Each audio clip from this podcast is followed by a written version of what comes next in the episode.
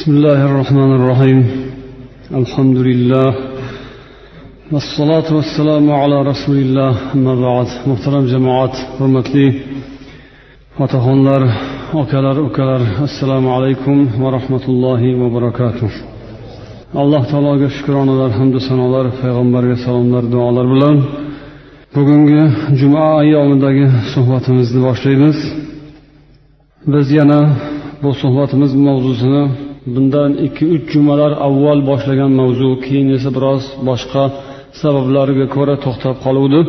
Ya'ni qiyomatning alomatlari haqidagi mavzumizni davom ettiramiz. Biz qiyomatni kichkina alomatlari haqida suhbatlashib o'tdik. Endi katta alomatlari haqidagi mavzuga kelgan edik. Bunda biz dajjol haqidagi xabarlarni qur'ondan va sunnatdan bo'lgan ma'lumot dalillarini sizlar bilan birga baham ko'rdik. Endi bugungi mavzumiz ana shu dajjolning oxirgi nafasini uning o'limi halokini alloh taolo iso alayhissalomga musahhar qilgan ekan. Iso payg'ambar kelib uni halok qilishlari haqidagi xabarlar ham ham qur'onda ham hadisda sunnatda vorid bo'lgan. Shular bilan inshaalloh tanishamiz. Bu ham kelajakda sodir bo'ladigan qiyomat yaqinlashgan paytda voqea bo'ladigan hodisalardan biri. Va bu narsa ahli sunna val jamoa e'tiqodidagi odamlarni aqidasi qatoriga kiradigan mavzulardan. Ahli sunna val jamoa e'tiqodi haqida biz ilgaridan suhbatlashib kelayotgan edik. Bu ham shunga taalluqli masala bo'lgani uchun va ba'zi bir toifalar qadimda islom tarixida yo'ldan ozgan adashib ketgan toifalar mana shu masalani dajjol masalasini yajuj majuju nuzuli iso shunga o'xshagan masalalarni inkor etishgan yo'q deyishgan tavil qilishgan buzishgan. Lokin qur'oni sunnatda tafsirlarda hadislarda buning xabari kelgan. Insonni aqliga muvofiq keladimi yoki aql doirasiga sig'maydimi undan qat'iy nazar sahih hujjat bo'lsa qur'ondan oyat sahih hadislardan hujjat bo'lsa biz uni qabul qilishga majburmiz. Mana bu mavzu ham ana shunday ishlardan biri. Hazrati iso payg'ambarni qur'oni karimda va hadislarda oxir zamon bo'lganda osmondan nozil bo'lishlari haqida xabarlar bor. Payg'ambarimiz alayhissalom imom buxoriy va imom muslim rivoyat qilgan hadisda sahih hadisda aytadilar kechasi sayr qildirilgan kechada meroj kechasida ya'ni avval makkadan baytul maqdisga u yerdan esa osmonga alloh taolo payg'ambarimizni sayr qildirdi. O'sha kechada deydilar payg'ambarlarni hammalari bilan ro'baro bo'ldim ko'rishdim.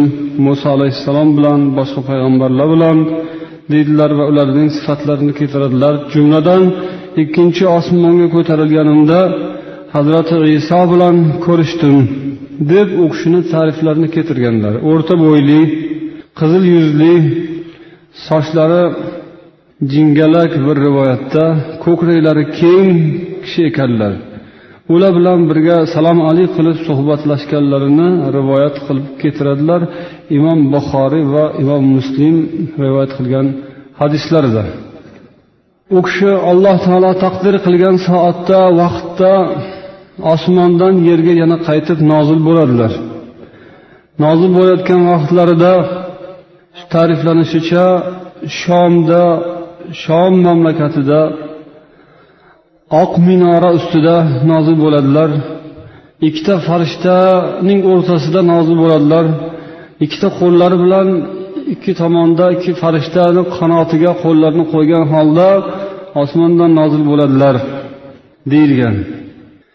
Dimashqning sharqida joylashgan oq minora buni ulamolar hozirgi kunda ham dimashq shahrini sharqida joylashgan umaviylar jomianing minorasi deydilar. Buni ibn kasir tafsirining muallifi ibn kasir o'zlari hayotlik vaqtlarida u kishi yetti yuz qirq birinchi yilda bo'lgan voqeani hikoya qiladilar. Musulmonlar o'sha jomi umaviylar jomisining minorasini qaytadan yangiladilar. Uni nasorolar xristianlar yoqib yuborgan edilar. Shundan keyin o'rtada ancha mojarolar tortishuvlar bo'lib nasorolarning mollaridan nasorolarning hisobidan bu minora qaytadan tiklandi oppoq toshlardan tiklandi deb bu kishi kitoblarida yozganlar. Ana shu minora ustida u kishi nozil bo'ladilar deganlar. U kishi kelayotgan paytlarida nafaslari qayerga yetsa u kishining nafaslaridan kimgaki tegsa agar u kofir bo'lsa o'sha zahoti o'laveradi. U kishining nafasi esa ko'zlari yetgan joygacha yetib boradi. Ko'zlari qayergacha yetsa nafaslari ham o'sha yergacha yetadi va shu oradagi hamma kofirlarni u kishining nafaslari o'ldirib ketadi. U kishi tushgan paytlarida musulmonlar dajjol bilan urush qilib turgan paytlari bo'ladi. Musulmonlar dajjolga qarshi urush qilib jamoa bo'lib yig'ilib turgan paytlarida va namozga iqomat aytilib endi namoz o'qimoqchi bo'lib turgan paytlarida keladilar. Va musulmonlarning amirlari u kishini namozga imom bo'lishga taklif qiladi. Lokin ular yo'q sizning o'zlaringizni imomlaringiz o'zlaringiz o'tinglar. Olloh sizlarni ulug' qilgan xalqsizlar. Bu ummat musulmon ummati islom ummatini olloh shunday azizu mukarram qilgan deb ularga imom bo'lmaydilar. Va musulmonlarning imomlarini orqasida turib u kishi namoz o'qiydilar. Keyin dajjolni halok qiladilar va xinzirni butunlay yer yuzidan yo'q qiladilar. To'ng'iz cho'chqa yo'q bo'ladi. U kishi o'ldiradilar. Solib krest xoch uni ham yo'q qiladilar. Jizya qabul bo'lmaydi o'shandan keyin. Ungacha iso payg'ambar kelgunlarga qadar jizya ya'ni soliq kofirlar tomonidan musulmonlarga to'lanadigan soliq amalda bo'ladi. U payg'ambarimiz sollallohu alayhi vasallam zamonlarida ham shu amalda edi. Ya'ni yo islom yoki agar islomga kelmasa kofirlar jizya soliq to'lab turishardi musulmonlarga va shuning evaziga o'zlarini bemalol ibodatlarida dinlarida davom etaveradilar. Bu ish to iso payg'ambar nozil bo'lguncha shu qoida davom etarkan. Ammo iso alayhissalom osmondan nozil bo'lib tushganlaridan keyin esa bu qoida to'xtatilar ekan. Undan uyog'i chunki o'zi ozgina qolar ekan. Dunyo muddat tugashiga qiyomat bo'lishiga yaqin qolgan paytda bu ish bo'ladi. Shuning uchun yo islom yoki kofirlarni u kishi iso payg'ambar o'ldiradilar. Jizya qabul qilinmaydi soliq qabul qilinmaydi. Iso alayhissalomni osmondan tushishlari nozil bo'lishlariga hujjatlar. Qur'oni karimda alloh taolo zuhruf surasining ellik yettinchi oyatidan to oltmish birinchi oyatiga qadar bo'lgan oraliqda bu haqda xabar bergan. Va va innahu lailmun lis-saati oltmish birinchi oyat zuhruf surasining oltmish birinchi oyati. Bu iso qiyomatning belgisidir degan mazmun bor. Ya'ni isoning nozil bo'lishi qiyomat juda ham yaqin qolganini bildiradi. Zamoni oxirida bo'ladigan voqea. Bu ilm va innahu lailmun lis-saati. Ilmun degani belgi bildirish alomat degan ma'nolarida keladi ekan. Bu qur'oni karim qiroati bir necha xil qiroatlarda o'qilgan. Yana bir mashhur qiroatda va innahu lis-saati deb o'qilgan ekan. Ya'ni insonning kelishi qiyomatning aniq belgisidir degan tarzda ham kelgan.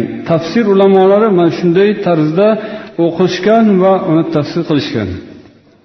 Yana qur'oni karimda alloh taolo aytadiki niso surasining bir yuz ellik yettinchi bir yuz ellik to'qqizinchi oyatlarida وإن من أهل الكتاب إلا ليؤمنن به قبل موته ويوم القيامة يكون عليهم شهيدا biron bir ahli kitob yo'qki iso alayhissalomning o'limi oldidan iymon keltirmasa hamma ahli kitob iso alayhissalomning o'limlari oldidan iymon keltiradi Ya'ni iso alayhissalom nozil bo'lganlaridan so'ng kofirlar o'lib ahli kitoblarni ichidan iymon keltiradiganlar bo'lar ekan. O'sha xristianlar yahudlardan iymon keltiradiganlar bo'lar ekan. Iso alayhissalom nozil bo'lganlaridan so'ng ularning yo'llari xato ekani bu davolar botil ekani haq din islom ekanini u kishi taqrir qilib isbotlab tushganlaridan keyin ular iso alayhissalomga iymon keltiradilar. Bu mana niso surasining bir yuz ellik yettinchi bir yuz ellik to'qqizinchi oyati.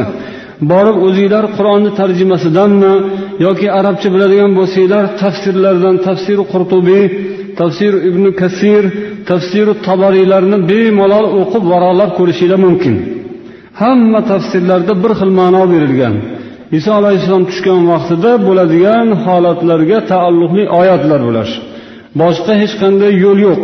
bundan boshqa ya'ni tavilga o'rin yo'q yana oli imron surasining ellik beshinchi oyati bu ham hujjat إذ قال الله يا عيسى إني متوفيك ورافعك إلي ey iso men sizni mutavaffika buni lug'aviy tarjima qilsangiz men seni vafot qildiruvchiman va o'zimga ko'taruvchiman Degan lug'aviy tarjima bo'ladi. Lokin vafot qildiruvchiman degan so'zni ba'zilar hujjat qilib iso payg'ambar o'lganlar vafot etgan deb davo qilishar ekan. Ammo tafsirlarga qarasangiz xuddi mana shu oyatni mutavaffika degan kalimasiga ular biz seni uyquga cho'mdiramiz degan ma'noni berishgan. Iso payg'ambarni alloh taolo uxlatib qo'yib keyin osmonga ko'targanligini aytiladi. Mutavaffikadan keyin rofiuka kalimasi keladi.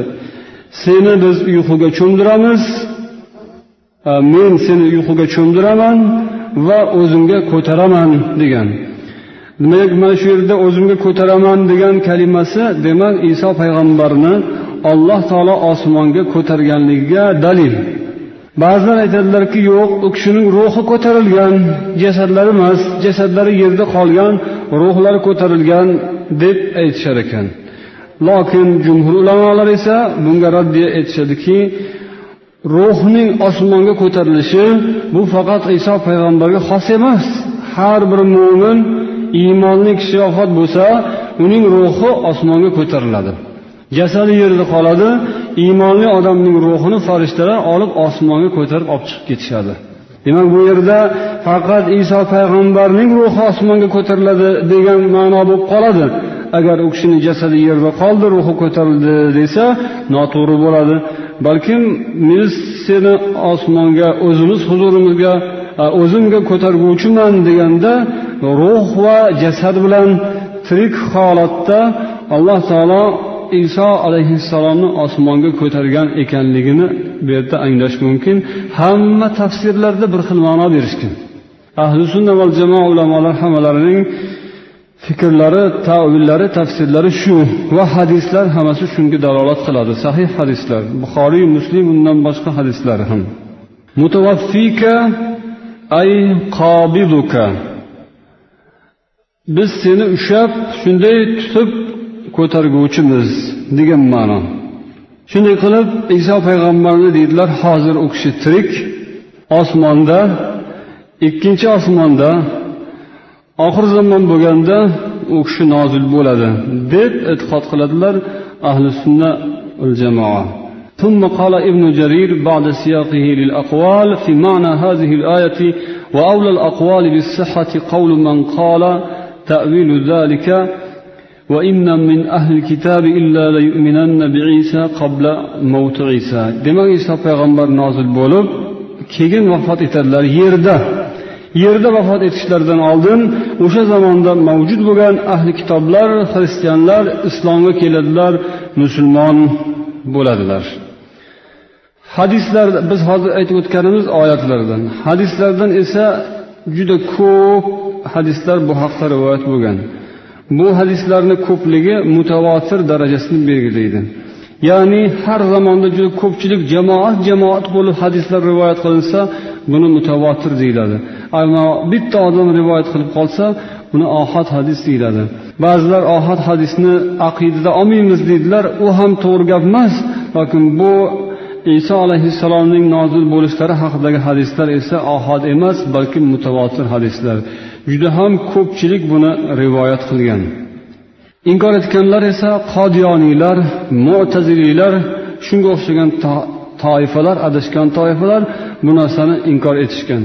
Xuddi azobi qabrni inkor etganlaridek dajjolni inkor etganlaridek buni ham inkor etganlar bo'lgan.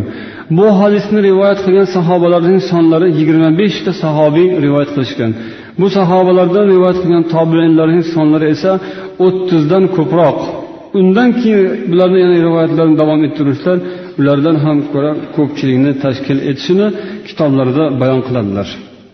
Hanafiy mazhab ulamolaridan imom abu jafar tahoviy degan kishi aqida tahoviyaning muallifi islom aqidasini yozib jamlab qisqagina kitob qilgan odam.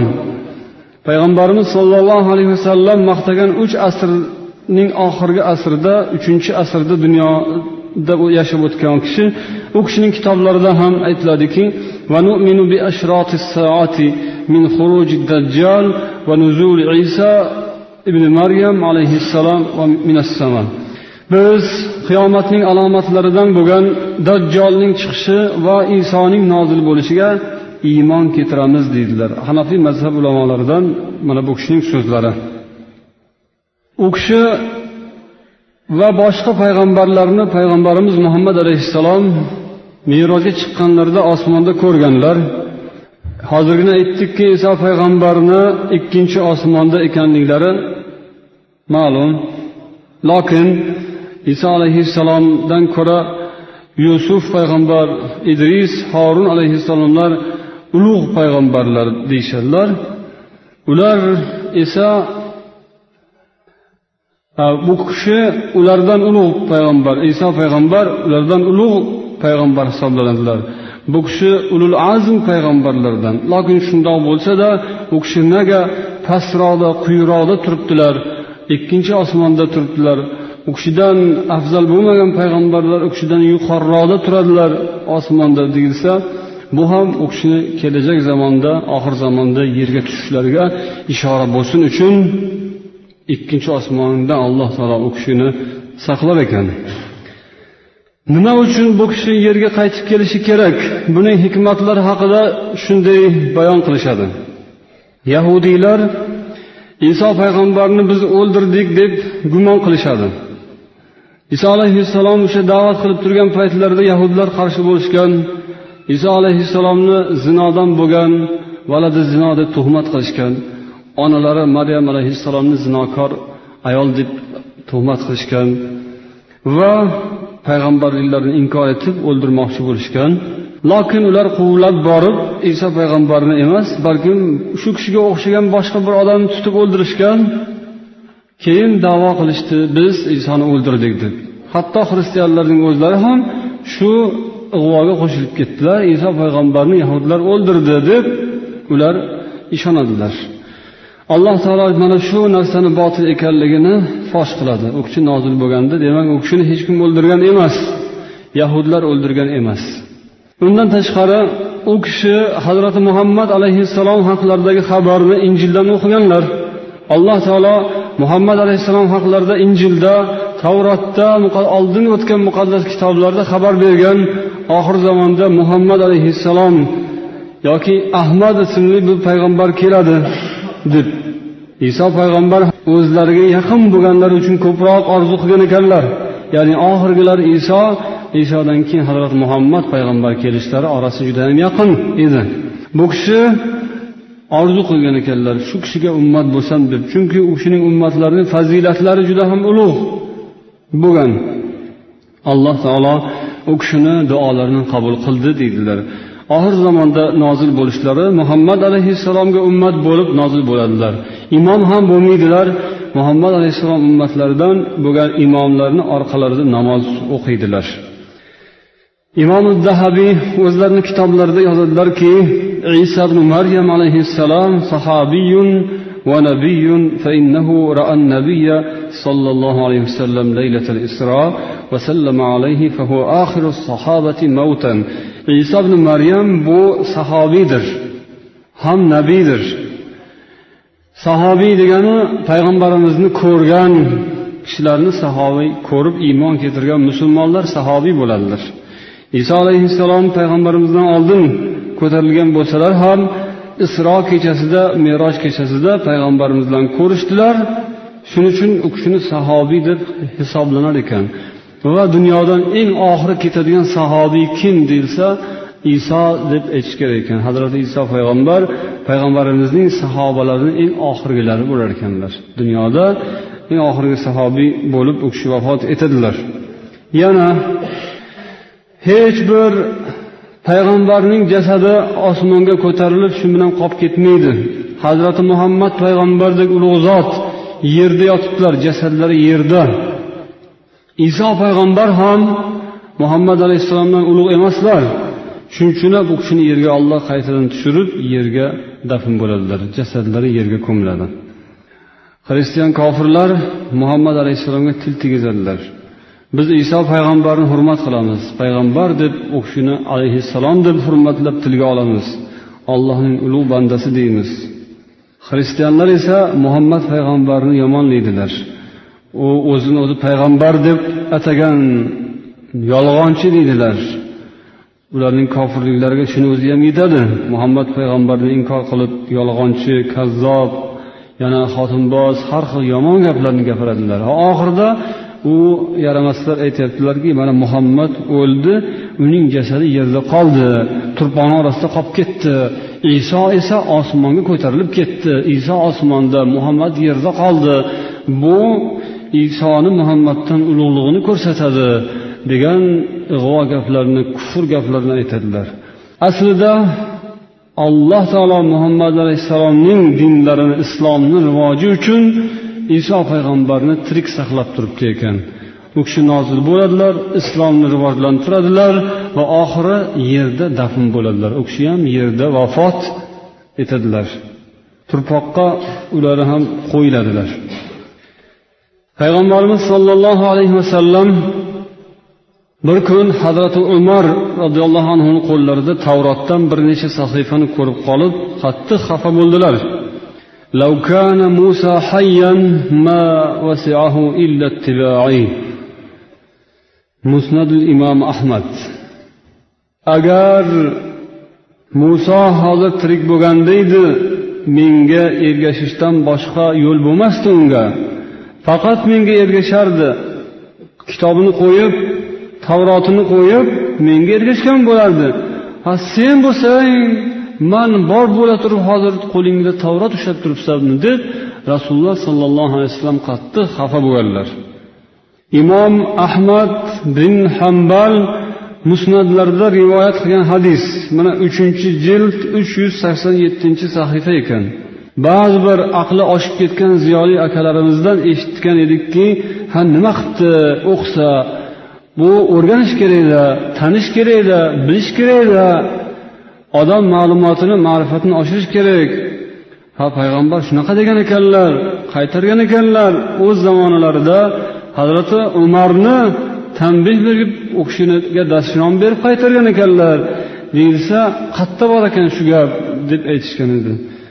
Mana bor joyini agar arabchani bila olishsa hamma narsani o'qish kerak degan gaplar rost bo'lsa marhamat qilib shu imom ahmad rivoyat qilgan hadisni ham bir o'qishsin demak agar muso alayhissalom hozir tirilib kelsalar jon jon deb muhammad alayhissalomga ergashib qur'on o'qib rohat qilishar ekan. Iso payg'ambar ham shuni orzu qilgan ekanlar. U kishi kelib qur'on o'qib islomga xizmat qilib din islomni hukmini yurg'izar ekanlar dunyoda. Islomni hokimi bo'lar ekanlar dunyoda. U kishi kelganlaridan keyin yer yuzida tinchlik osoyishtalik butun dunyoda olamda xotirjamlik paydo bo'lar ekan. U kishi nozil bo'lganlaridan keyin bir yomg'ir keladi deydilar. Yomg'ir kelib butun yer yuzini hammasini yuvadi tep tekis qilib xuddi oynaga o'xshatib yuvadi. Yer yuzi bir olam tozalanadi poklanadi. Ana undan keyin yerga qani sen mevalaringni chiqargin deb amr bo'ladi. Barakotlaringni chiqargin deyiladi. Shundan keyin yer yuzi o'zini ichidagi barcha barakotlarni chiqara boshlaydi. Shunday baraka bo'ladiki bir dona anor bir jamoatni qornini to'yg'azadi. Ko'pgina odam. Hayvonlarni yelinlari sutga to'ladi. Bitta qishloq qishloqqa bitta tuya yetadi. Yana bir qishloqqa bitta sigir yetadi. Yana bir toifaga bitta qo'y yetadi. Shunday barakasi ko'p bo'ladi mo'l ko'l bo'ladi. Suti kelaveradi kelaveradi to'xtamaydi. Butun bir qishloqni shaharni bitta qo'yning suti yoki bitta molning suti o'zi kifoya qiladi to'yg'azadi to'ldiradi. Rasululloh hadislarda yana aytadilar imom ahmad abu hurayradan rivoyat qilgan hadisda payg'ambar deydilarki payg'ambarlarning hammalari otalari biru onalari boshqa boshqa. Ya'ni otalari ota bir ona boshqalarni allohdan bo'lgan birodarlar deyishar ekan. Ya'ni har xil onalardan tug'ilgan lokin otalari baribir borib hazrati odamga taqaladilar. Ummahatuhum shatta onalari har xil onalar turli xil onalardan bir necha onalardan. Va dinuhum vohid ularning dinlari esa bitta. Hamma payg'ambarlarning dinlari bitta. Nima u din? Islom. Din yakka bitta. Olloh nazdidagi din inna dina indallohil islom qabul bo'ladigan maqbul din islomdir. Boshqa emas. Ba'zi bir nodon kimsalar nodon o'zbeklar ba'zi bir nodon qozoq qirg'izlar o'z dinini tashlab ota bobosini dinini tashlab krishna bo'lib ketayotgan budda xristian boshqaga kirib ketayotganlar demak bechora odamlar din aslida bitta islom payg'ambar shunday dedilar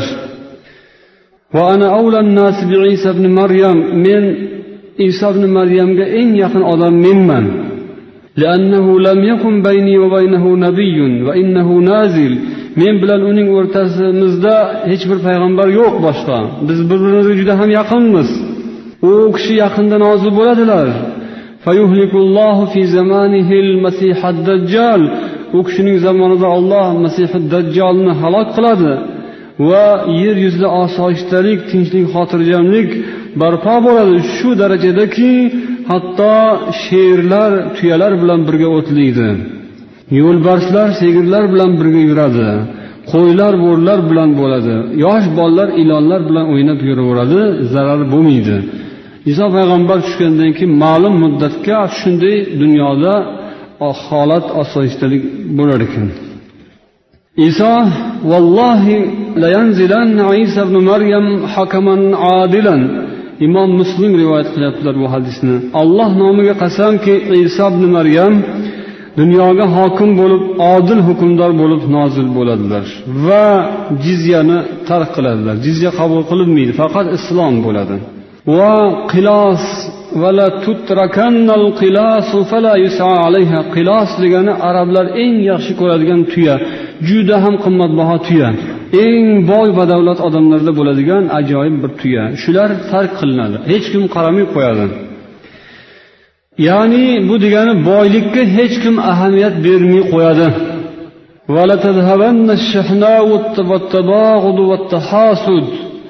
Odamlar o'rtasidagi bir biriga bo'lgan hasad dushmanlik ko'rolmaslik adovat kina bunday narsalar qolmaydi. Hamma narsa ketadi.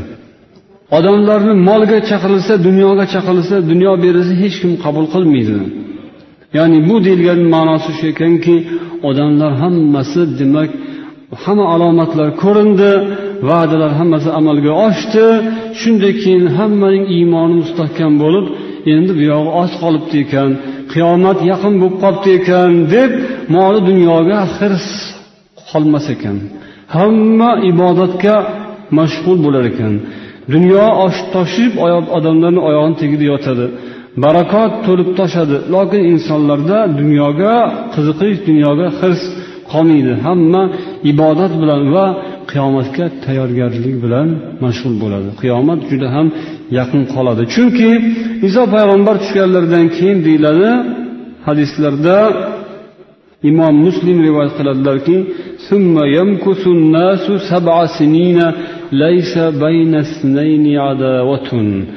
shundan keyin odamlar yetti yil umr kechiradilar. Biron bir odam o'rtasida hech bir ikki kishi topilmaydi o'rtada adovat bo'lsa. Hech qanday adovat hasad ko'rolmaslik kino g'araz bo'lmaydi faqat yetti yilgina turmush bo'ladi xolos.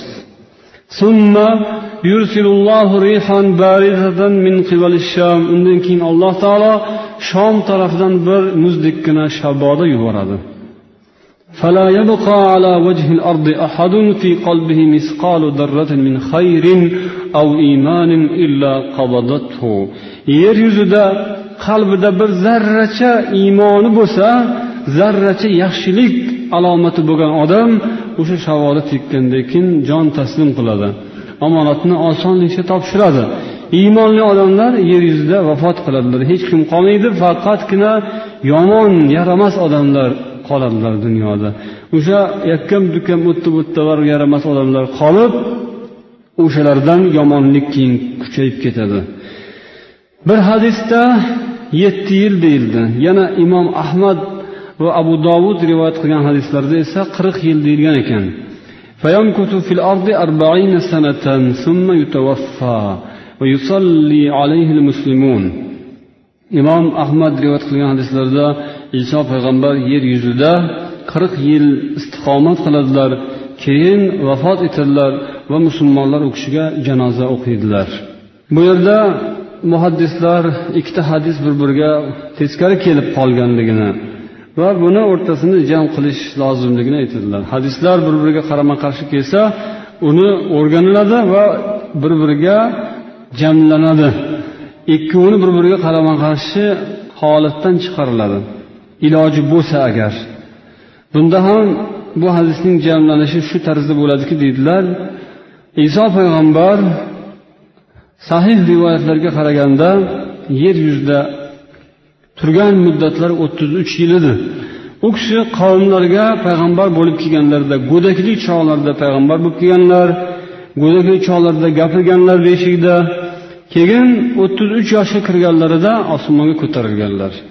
Qaytib kelib yetti yil yerda yana islomni da'vatini targ'ib etadilar.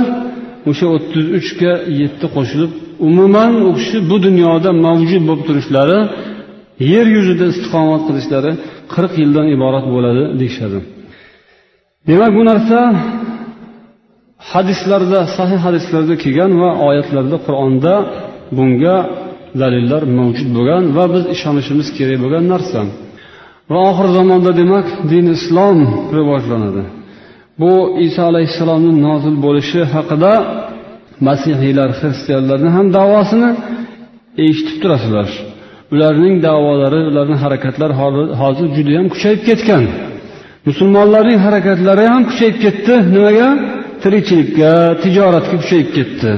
Hozir hamma odam tuzuk tuzuk odamlar tijoratchi. Hatto qo'lida diplom bo'lgan olimlar ham do'konda bozorda ippodromda tirikchilik uy joy bola chaqa pul tijorat topgan pulni devorga chaplab tamom bo'lgandan keyin yana o'zimizni yoqqa urib topib chaplab uramiz. Undan ortganini odamlarni og'ziga osh qilib yediramiz. To'y qilamiz boshqa qilamiz.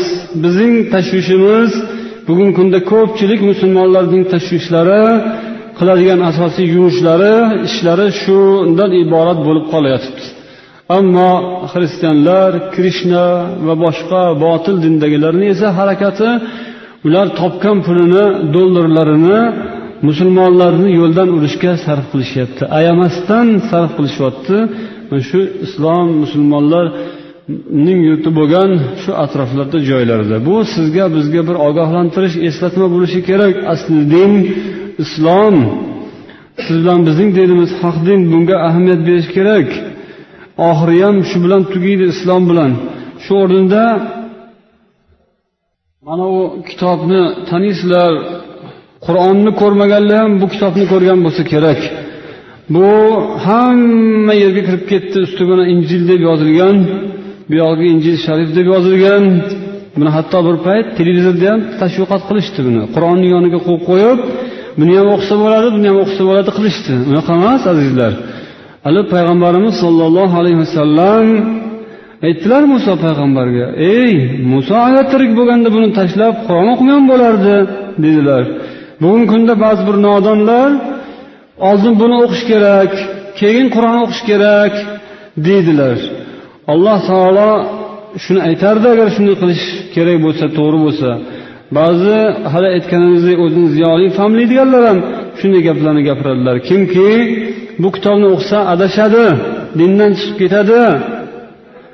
Mana shu kitob haq kitob desa kofir bo'ladi. Chunki olloh nozil qilgan injil bu emas. Olloh nozil qilgan injil yo'q bo'lib ketgan yo'qolib ketgan. Xristianlar davo qiladilarki hali varaqalar chiqarib musulmonlarni qoralab. Musulmonlar olloh taolo o'zining kitobini saqlab qololmadi deyaptilar. Ollohni qoralayaptilar demoqchi bo'ladilar ya'ni biz bu injil haqiqiysi yo'q bo'lib ketdi desak biz davo qilayotgan emishmizki xudoni kitobni saqlab qololmadi deb ollohga tuhmat qilayotgan emishmiz. Olloh taolo injilni saqlashni o'zining zimmasiga olgan emas edi. U haligi gapga javob bu.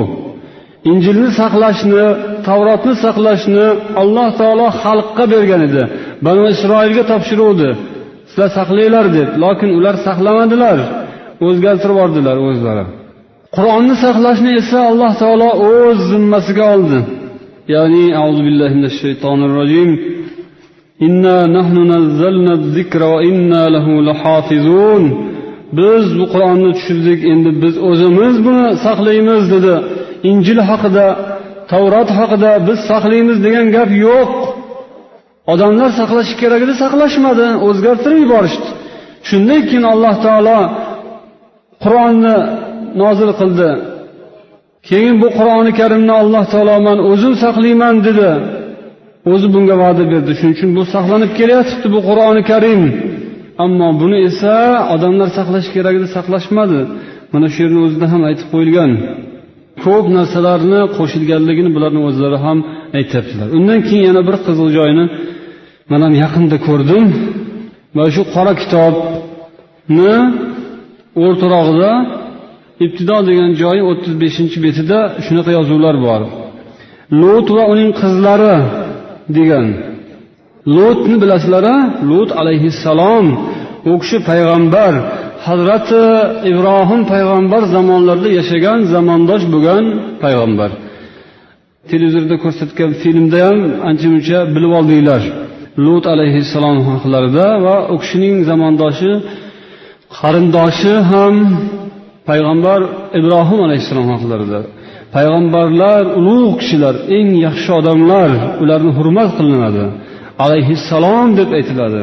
Bu yerda nima deb yozyapti? Lut payg'ambar haqida. Bir kuni lutning katta qizi kichigiga dedi otamiz qari yer yuzidagi odatga ko'ra biz nikohga olinishimiz uchun mamlakatda biron erkak qolmagan. Ke otamizga sharob ichirib u bilan yotamiz. Toki otamizdan nasl saqlaylik. O'sha kechasi qizlar otalariga sharob ichirdilar. Katta qiz otasining yotog'iga kirib u bilan yotdi. U esa qizining qachon yotib qachon turganini bilmadi. Endi katta qiz kichkinasiga borib gapirdi. Palon bo'ldi piston bo'ldi deb. Keyin kichik qiz borib otasi bilan yotdi oldin sharob ichirib. Otasi esa nima ish bo'lganini bilmadi. Shunday qilib lutning ikkala qizi ham otalaridan homilador bo'ldilar. Katta qiz o'g'il tug'ib uning ismini muov qo'ydi. Bugungacha muov xalqining otasidir. Kichik qiz ham o'g'il tug'ib uning ismini bin ammi qo'ydi. U bugungacha ammon o'g'illarining otasidir. Shunday qilib ammonliklar shunaqa zinodan tarqalgan demoqchi bo'lib qoladi bu yerda. Astag'firulloh bu lut alayhissalom sharob ichgan aroqxo'r. U kishi o'zining qizi bilan zino qilgan zinokor degan gapdan boshqa narsa emas. Shu endi ollohni kitobi bo'ladimi? Shu xudoni kitobi bo'ladimi? Alloh taolo shunaqangi payg'ambarini aroq ichirib payg'ambarni zino qildiradimi? Otasi bobosi musulmon bo'lgan namoz o'qigan ibodat qilgan odamlarning bolasi bugungi kunda bu kitobni ushlab olib mana man xudoni kitobini topib oldim haqiqiy kitob shu ekan qur'on buzilgan ekan deb yuribdi hozir. Qur'onni ular haqorat qilishga o'tdilar. Asli kitob bu. Degan so'zlar islomga qarshi musulmonlarga qarshi hujum bo'layotgan bir paytda ba'zi bir nodon kishilar shuni tushunmasdan o'qib bunday qaramasdan islomni nima ekanligini tushunmasdan buni o'qib yotgan odamlar demak bilib qo'ysin qanaqa kitob o'qiyotganligini. Payg'ambarlarni aroqxo'r zinokor deydigan kitob bu xudoning kitobi bo'lmaydi azizlar. Allohning payg'ambarlari eng ulug' insonlar bo'ladi. Alloh o'zi hammamizga insof bersin. Islom bir paytlar mayli ba'zi bir joylarda zaiflashar ammo islom oxirigacha qiyomatgacha davom etadi. Islom bo'lmasa qiyomat bo'ladi oxirida. Demak iso payg'ambarning kelishi bu xristianlikni rivoji emas balkim qur'oni karimni yana ham mustahkamroq amal qilinishiga sabab bo'lar ekan. Subhanakallohumma va bihamdik. أشهد أن لا إله إلا أنت أستغفرك وأتوب إليك. اللهم صل على محمد وعلى آله وأصحابه أجمعين. وآخر دعوانا أن الحمد لله رب العالمين برحمتك يا أرحم الراحمين.